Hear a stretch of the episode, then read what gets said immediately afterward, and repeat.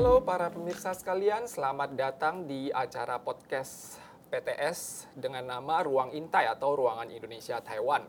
Ini adalah uh, acara per- eh, tayangan perdana kami ya, tayangan Iya. perdana kita pertama uh, yang akan dipandu oleh saya Jonathan dan rekan saya Santina. Nah, uh, topik pembicaraan kali ini adalah uh, berkaitan dengan masalah pelecehan seksual yang lebih dikenal dengan hashtag MeToo. Nah, Ya. mungkin uh, istilah hashtag MeToo ini ada yang belum tahu. Uh, saya akan meminta uh, rekan saya untuk menjelaskan lebih lanjut apa itu artinya hashtag MeToo dan apa uh, makna hashtag MeToo itu. Ya, oke. Silakan. Oke, hashtag MeToo itu ataupun tagar MeToo itu dikenal sebagai gerakan MeToo atau MeToo movement atau dalam bahasa Indonesianya itu adalah saya juga atau Saya juga. aku juga ya. Eh, Ini eh, adalah gerakan sosial untuk mengekspos eh, dan memprotes kekerasan yang berbasis gender, pe- pelecehan seksual dan penyerangan seksual. Ya ini sebenarnya mungkin diekspos melalui media sosial ya. Soalnya ini merupakan sebuah hal yang baru. Tagar tagar Me Too itu kan biasa kan bentuknya seperti pagar, terus M E dan T yang huruf besar O O gitu. Uh, gerakan ini berawal awal mulanya berasal dari Amerika. Iya. Oke. Gerakan ini berasal dari Amerika itu pada tahun 2006. Udah lama juga sebenarnya. Yaitu waktu itu ada seorang bernama Tarana Burke yang menggunakan uh, frase Me Too di platform jejaring uh, sosial waktu itu namanya MySpace. MySpace, oke. Iya. Tapi ini kemudian marak kembali ya. Hmm, Soalnya waktu itu sudah agak reda, eh, nggak begitu hot ya, nggak begitu viral, tapi kembali viral pada ta- pada eh, tahun 2017. Oke. Ya, tepatnya Oktober tujuh- 2017 karena ada seorang sutradara yang banyak eh, merecehkan me- melakukan pelecehan seksual ataupun sampai kekerasan seksual kepada banyak artis ya yang Mungkin ini ada yang pernah dengar namanya. Ya, namanya Harvey Weinstein. Ya, so, karena ini makanya adanya Weinstein effect. Adanya efek ini jadi eh, terakhir ya dia juga dipidana sebenarnya. 23 tahun. 23 tahun.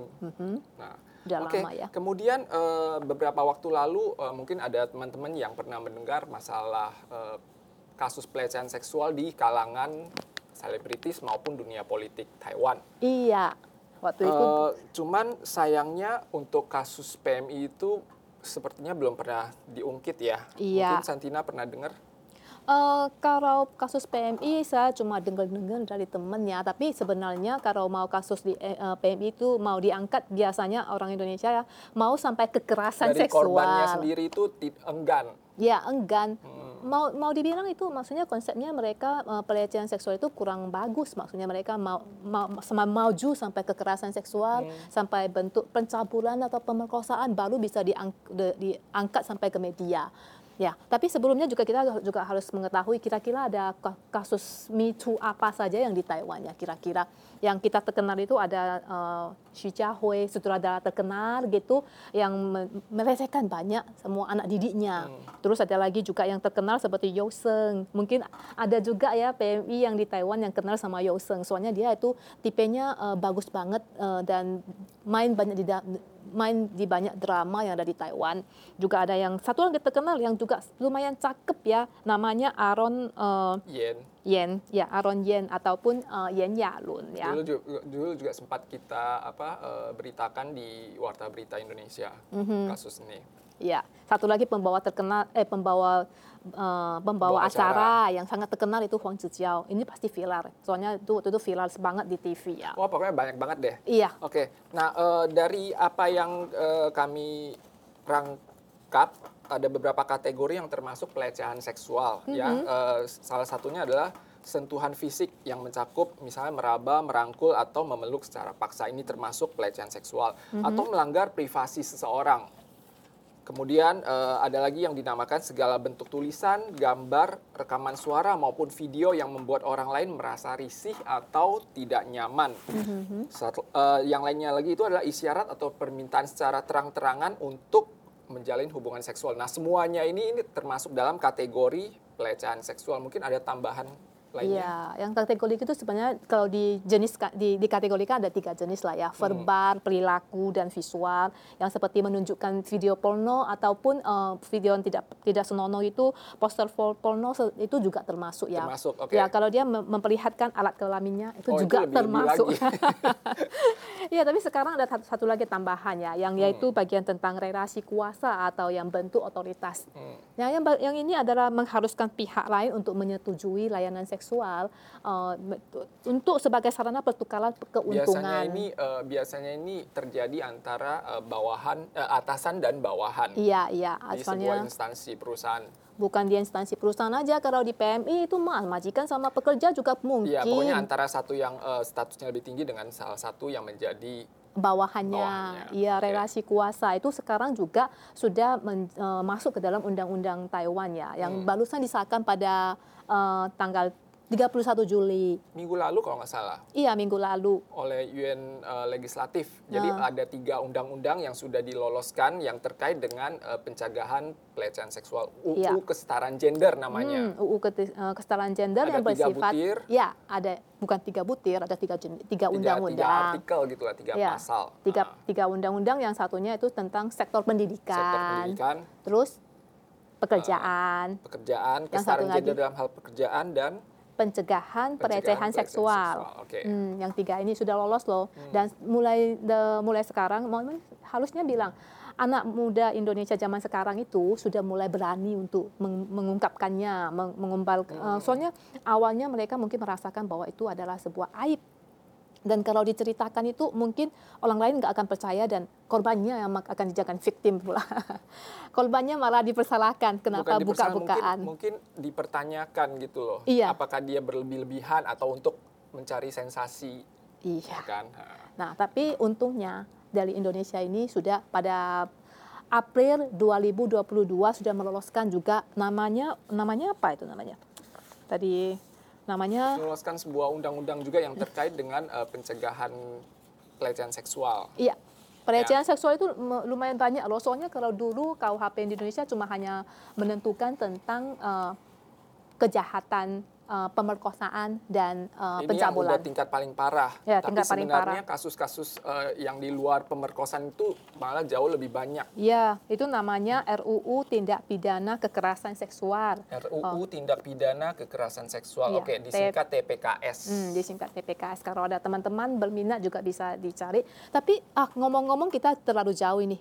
Eh, yang bagian di Indonesia itu sebenarnya ba- pekerja migran Indonesia di Taiwan itu apakah juga mengalami Eh, ke- ke- kekerasan seksual ataupun pelecehan seksual? Mari kita lihat ya. Sebenarnya kita serahkan saja ke eh, pakarnya langsung ya. Hmm. Jadi kita dengar dulu eh, sekelumit wawancara kita dengan I- Ibu Fajar. Ibu Fajar ini adalah eh, pendiri Ormas Ganas, gabungan tenaga kerja bersolidaritas di Taiwan ya. Kita tanya apa kasus yang pernah ia terima dan bagaimana cara penanganannya. Eh, kalau hanya sekedar konsultasi eh, untuk pekerja sektor eh, pekerja migran ya, baik sektor formal atau informal, itu kita bisa eh, kalkulasikan dalam satu minggu itu bisa dua atau tiga yang terjadi seperti itu. Ini yang berani untuk konsultasi, belum di luar sana kita tidak tahu ya. Kita hanya menghitung yang sudah masuk saja. Dalam satu minggu satu, eh, dua sampai tiga kasus yang masuk. Eh, yang terparah tentunya sudah benar-benar terjadi, sudah ber- eh, pemerkosaan ya ini kasarnya seperti itu. Tapi kalau untuk percobaan ataupun pelecehan seksual dalam eh, masa yang seperti membe- mengirimkan gambar-gambar eh, yang nggak layak gitu kepada pekerja migran itu yang sering terjadi seperti itu. Kalau yang untuk benar-benar terjadi ini dalam eh, beberapa bulan paling hanya satu kali saja. Oke, eh, tadi kita sudah dengar eh, beberapa eh, sekelumit perkataan tentang eh, kasus pelecehan seksual oleh Ibu Fajar. Nah, kemudian apa kira-kira reaksi dan cara penanganan oleh PMI saat mendapatkan kekerasan seksual atau pelecehan seksual? Kalau dari saya pribadi sebenarnya setahu saya sebagian besar orang sebagian besar para korban itu at least enggan atau merasa Mhm. apa ya malu atau tidak berani mengungkapkan ya karena masalah ini dianggap sebagai eh, masalah aib ya Mhm. kan jadi mereka nggak berani melapor mereka juga nggak berani ngomong dan yang paling penting itu adalah eh, mereka eh, berikutnya itu mereka nggak berani menolak dan nggak berani bilang tidak boleh kepada si si pelaku. Nah ini Iya. yang ini yang ini yang eh, apa kendala yang paling paling sulit yang dihadapi oleh mereka. Soalnya biasanya mereka eh, korban akan dipertanyakan, kenapa tidak melawan? Kenapa tidak melawan? kalau iya kan sering kan kita mendengar kalau eh, kenapa dia mungkin kenapa mau Kenapa pakaian seperti diam? itu? Kenapa kamu berpakaian buka-bukaan gitu? Padahal kan enggak juga kan kadang-kadang kan. Kalau kenapa kamu tidak melawan, bayangkan ya orang yang dalam ke- keadaan eh, begitu mendadak gitu kan, pasti kosong itu pikirannya.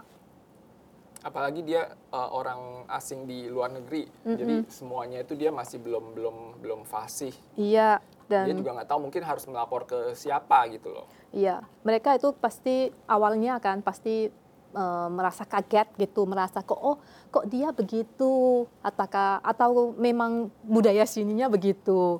Terus direcehkan sedikit mungkin disenggol atau gimana, dia mungkin nggak hati-hati. Tapi kalau sudah keselingan, harusnya iya. sudah ada kita ada instingnya, insting insting sendiri ya. Kalau dia memang sudah satu kali, eh dua kali, tiga kali di, disengaja di berulang-ulang kan, harusnya kita sudah ada Kalau istilahnya cuma- silagat gitu. cuman apa nggak sengaja Firasat. menyenggol atau uh, memegang itu mungkin untuk uh, kayak majikan dengan TKI itu kan pasti setidaknya ya tidak bisa di di, di apa di di dipertanyakan atau disalahkan. Ah, Tapi kalau sudah berkali-kali, Tapi kalau berulang misalkan kali, eh, apa tindakan ini sudah sudah berulang kali, nah Mhm. seharusnya dari dari eh, teman-teman sendiri sudah harus meningkatkan kewaspadaan gitu loh. iya, meningkat harus percaya dulu, percaya juga sama insting Anda ya.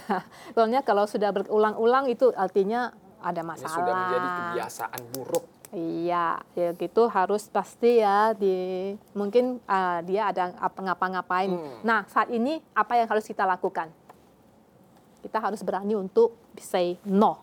Kita harus tegur dengan tegas ya katakan kepada mereka, oh jangan itu nggak bisa, cimpuyau zeyangzi. Itu harus bisa loh, cimpuyau zeyangzi. Itu ngomongnya sangat penting sekali. Itu artinya kita menolak bahwa kita tidak setuju dengan apa yang dia lakukan. Oke. Okay. Hmm, itu sangat penting. Dan satunya lagi yang mungkin bilang harus berhenti ya, stop. Itu juga stop bahasa yang bisa digunakan di Indonesia maupun di Taiwan.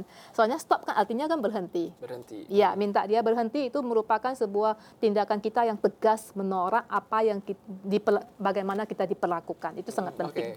Oke. Nah, eh, berikutnya untuk teman-teman yang tidak tahu, eh, yang mungkin pernah mengalami eh, kasus pelecehan seksual atau mungkin mengenal teman lainnya yang pernah eh, mendapatkan perlakuan tidak senonoh dari majikannya atau teman sesamanya itu ada beberapa saluran pengaduan. Yang pertama itu adalah langsung menuju ke agensi teman-teman masing-masing. Kemudian yang kedua itu adalah saluran khusus 24 jam yang dibuka oleh Biro Ketenagakerjaan. Itu 1955. Jadi eh, saluran 24 jam teman-teman bisa langsung menelpon ke sana. Ada layanan dalam ada layanan dalam bahasa Indonesia. Oke, kemudian instansi berikutnya itu adalah eh, KDI Taipei, Kantor Dagang dan Ekonomi Indonesia di Taipei. Eh, ada satu divisi untuk meng- apa, men- menampung masalah atau kasus dari PMI. Tapi saya nggak tahu apakah kasus termasuk pelecehan seksual atau tidak itu. Tapi setidaknya kita bisa eh, merespons ke mereka. Kemudian yang terakhir itu adalah eh, saluran 10110 itu langsung kepada Polisi. polisi. Iya, langsung ke polisi itu juga bisa. Tapi kalau memang ada kendala bahasa, boleh juga ke saluran khusus 113. 113. Iya, 113 itu adalah perlindungan anak dan wanita yang tersedia dalam ba- ba- berbagai bahasa termasuk Indonesia loh. Ada Oke. bahasa Vietnam, Indo- Inggris, Kamboja dan satunya lagi kurang tahu ya, tapi yang pasti bahasa Indonesia ada. Jadi tiga nomor telepon ini harap diingat 1955, Mhm. kemudian 110 dan 113 ya tadi ya. Iya. Oke, 113. Terus bagaimana ya kira-kira hasil daripada pengaduan eh, PMI yang cara penanganan penanganan kasus yang ini. ada? Iya, kita juga dengar dari eh, Ibu Fajar. Ibu Fajar, dia akan Silakan. membagikan. Yang terjadi pertama mereka akan minta bantuan kepada agensi. Itu yang pertama. Yang ketiganya, eh, yang kemudian biasanya mereka akan lanjut ke 1955. Dan eh, kalau dari mereka itu tidak ada respon ya, sorry, karena terkadang untuk pelaporan ke 1955 tanpa ada pendampingan itu juga sangat riskan seperti yang terjadi pada beberapa teman kami yang lalu ya. Dan kemudian mereka akan melaporkan kepada organisasi baik seperti organisasi seperti Ganas ataupun juga terhadap NGO seperti itu karena kalau lapor ke 1955 ini biasanya mereka akan hubungi Depnaker ya kan? Depnaker akan hubungi agensi agensi akan datang konfirmasi klarifikasi kepada pekerja migran. Yang terjadi apa? Justru intimidasi. Misalkan ki sampai pemulangan atau juga penghapusan bukti-bukti berupa video ataupun chattingan yang sebenarnya itu menjadi kunci dari permasalahan uh, untuk nanti di uh, akhirnya bagaimana dalam mencari solusinya seperti itu. Tapi kalau agensi yang menangani maka nanti akan secepatnya uh, dihapus ataupun uh, juga diambil oleh agensi dan berakhir dengan dipulangkan. Dan yang satu lagi yang sangat penting loh, jangan lupa untuk simpan bukti. Kalau Ah. memang benar ada kejadian pelecehan seksual atau bagaimanapun, itu kita usahakan kalau ada pakaian kita itu jangan diganti, jangan mandi dulu, jangan mau bersih-bersih ya kalau mau ketemu polisi. Soalnya kalau sudah dibersihkan, buktinya hilang. Mungkin apa untuk di visum kali ya? Di visum, iya, itu sangat penting sekali. Jangan menyisir, men- menyikat, membilas, menyiram, menyikat gigi ya dalam 24 jam. Itu sangat penting. Dan kalau memang perlu ke UGD ya, ke UGD untuk diperiksa, mana tahu kalau sebenarnya memang sampai eh, yang paling parah. Mm, mm, mm. Jadi eh, kita nggak tahu apakah ada penyakit kelamin atau enggak. Oh, penyakit menular, penyakit Iya. seksual Iya, menular. jadinya eh, itu sangat perlu sekali. Eh, jadi kita harus menjaga diri dan harus ada bukti. Kalau bisa, kalau memang dia ada aba-aba gitu, kalau bisa ada rekaman suara, Bagi sekarang setiap Atau PMI pasti ada HP, memiliki HP. Jadi ya, itu bisa ponsel. direkam eh, dalam Mhm. bentuk suara atau bentuk rekaman gambar itu semua oke. Itu sangat penting sekali loh. Iya.